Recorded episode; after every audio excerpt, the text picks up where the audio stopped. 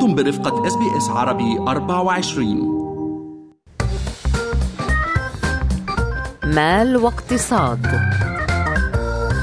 أهلا بكم في فقرة مال واقتصاد من SBS عربي 24 أنا بترا توق الهندي. وأنا فارس حسن وتنضم إلينا الصحفية المتخصصة بالشؤون الاقتصادية كوثر الحنبوري للحديث عن كل ما يشغل اليوم أستراليا على الصعيد الاقتصادي. أهلا وسهلا فيك كوثر. كان ملفت الحقيقة كوثر؟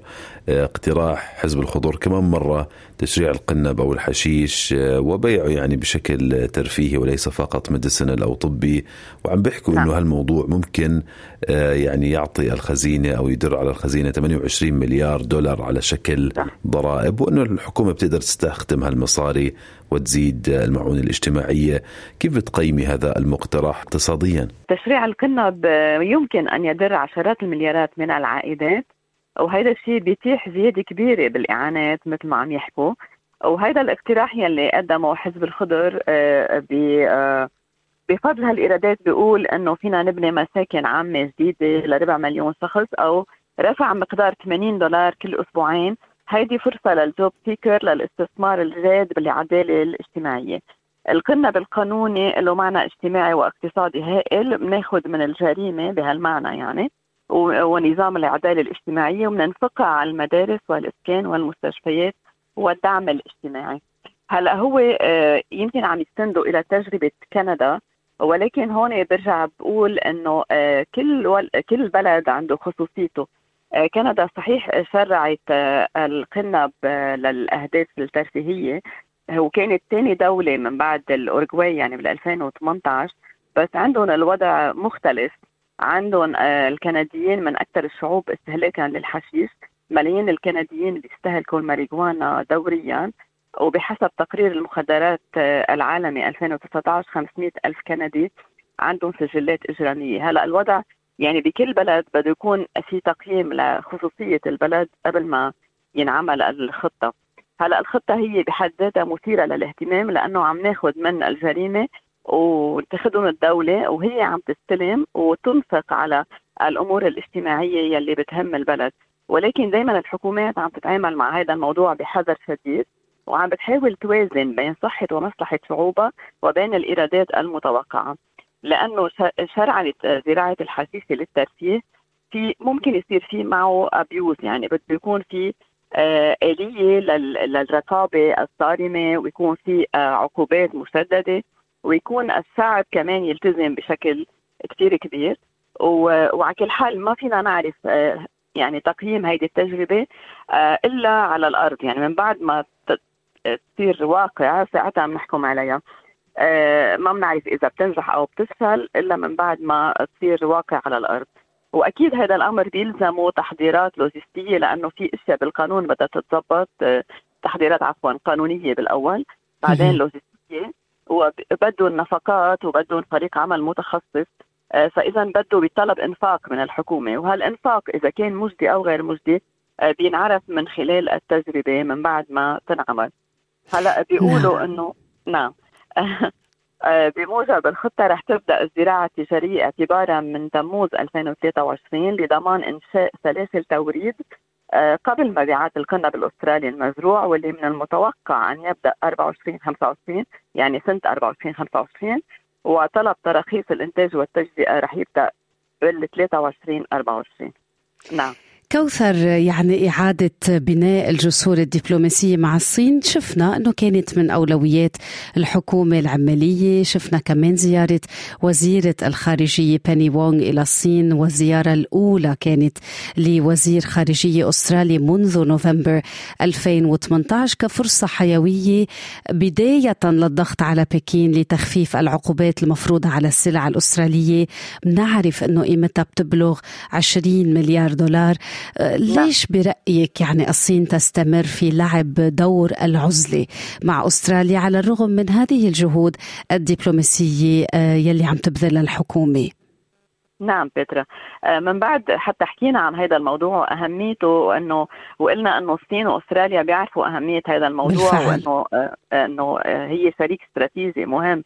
ولكن بنلاحظ إنه القادة الصينيين بعدهم عم يشتغلوا يعني عم يبينوا بالعلن إنه هن مع عودة العلاقات إلى إلى سابق عهدها وبيأكدوا إنه هي عم تسير بالاتجاه الصحيح. ولكن في الواقع ما تدهورت أكثر ولكنها لم تتحسن.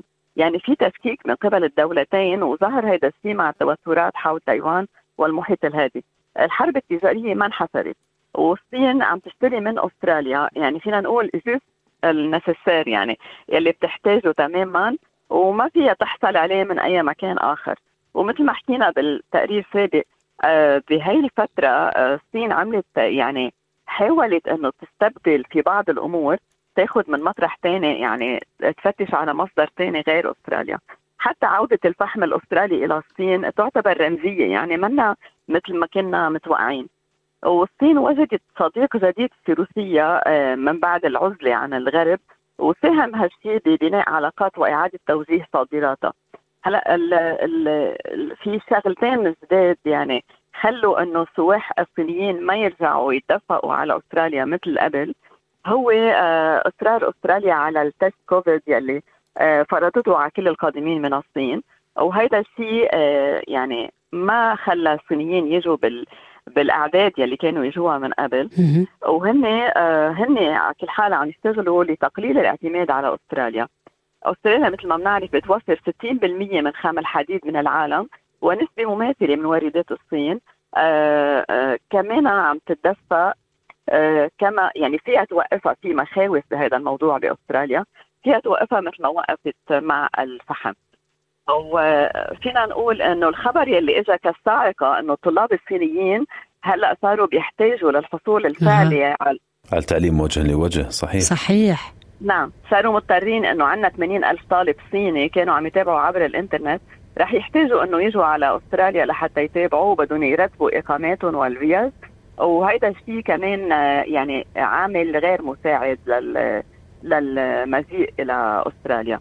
نعم آه، هيدا اجى عليهم خبر كالصاعقه يعني. نتمنى إنه ترجع آه، الأمور ترجع إلى سابق عهد بين بين البلدين. ولكن إنه مثل ما قلنا عم يتفرجوا شيء ولكن بالواقع منه منه مثل ما كنا متوقعين يعني ما فيها الدفء بالعلاقات زي ما كنا نقرأ في عناوين الأخبار آه، كوثر قبل ما يدهمنا الوقت بدنا منك تعليق نعم. سريع على هذا العنوان قرأناه عندنا نعم. على SBS dot com forward slash Arabic 660 نعم. ألف أسرة بتعاني من أجل سداد قروضها المنزلية بهذا العام 2023 آه، بتلاقيه واقعي ولا إنه الأستراليين زي ما حكى حاكم مصرف آه، الاحتياط فيليب لو مره انه في savings يعني على العامي بنقول مخبين مصاري تحت البلاطة. بقدروا يعني يدفعوا. ولا إنه عن جد رح يصير تعثر؟ هلا هذا الموضوع آه، أكيد مهم كثير وكنا اشرنا له حتى هن الحكومة عارفة هذا الشيء ووزيرة المالية كاتي جالاجر قالت إنه 20% من حاملي الرهن العقاري آه، رح يواجهوا صعوبات يعني بسبب ارتفاع الفائدة بصورة كبيرة مع انتهاء المعدلات الثابتة بال 2023 وهذا أظهرته البيانات. يلي عم يحكوا عنها. آه، وما في زيادات كبيرة بالأجور وفي مطالبة بزيادة الأجور بأستراليا. ولكن الوزيرة بتقول أنه رح تترك الأمر للعمال لأرباب العمل يعني يعملوا مثل مفاوضات على طاولة مع بعض ويقرروا شو المناسب ويعملوه بالنسبة لزيادة الأجور. يعني مثل ما عم تطالب النقابات والموظفين وهيك. هلا آه، وزير الخزانة تيم تشارلز بيقول أنه كان عم يستخدم ميزانية مايو ليدعم الأشخاص الأكثر احتياجا بأستراليا وكشف إنه عم يشتغل على إجراءات جديدة بالفترة المقبلة. آه وهو الهيئة عنده آه أفكار اقتصادية جديدة عم بيحاول يعمل نوع من إصلاح بالاقتصاد. وأنا هون آه فتت لأشوف شو عم بيوضح من خلال مقال كاتبه عن الشمول الاقتصادي. بيقول إنه أمر أساسي لصحة الديمقراطيات وسلامة الدول. وهون من بنشوف إنه الشمول الاقتصادي في حال تطبيقه بيساهم بمواجهة تحديات الفقر والبطالة والتنمية وبيمثل حلقة مهمة لتوريد فرص العمل والتخفيف من تأثير التقلبات الاقتصادية والمالية. شكرا لك كوثر صحفية المتخصصة بالشؤون الاقتصادية كوثر الحنبوري كل الشكر لك. استمعوا إلى آخر إصدارات SBS عربي 24 على جميع منصات البودكاست. تابعوا بودكاست الهوية في موسمه الثاني. الذي يروي قصصا واقعية تعكس تحديات الانتماء التي يواجهها الشباب العربي في أستراليا.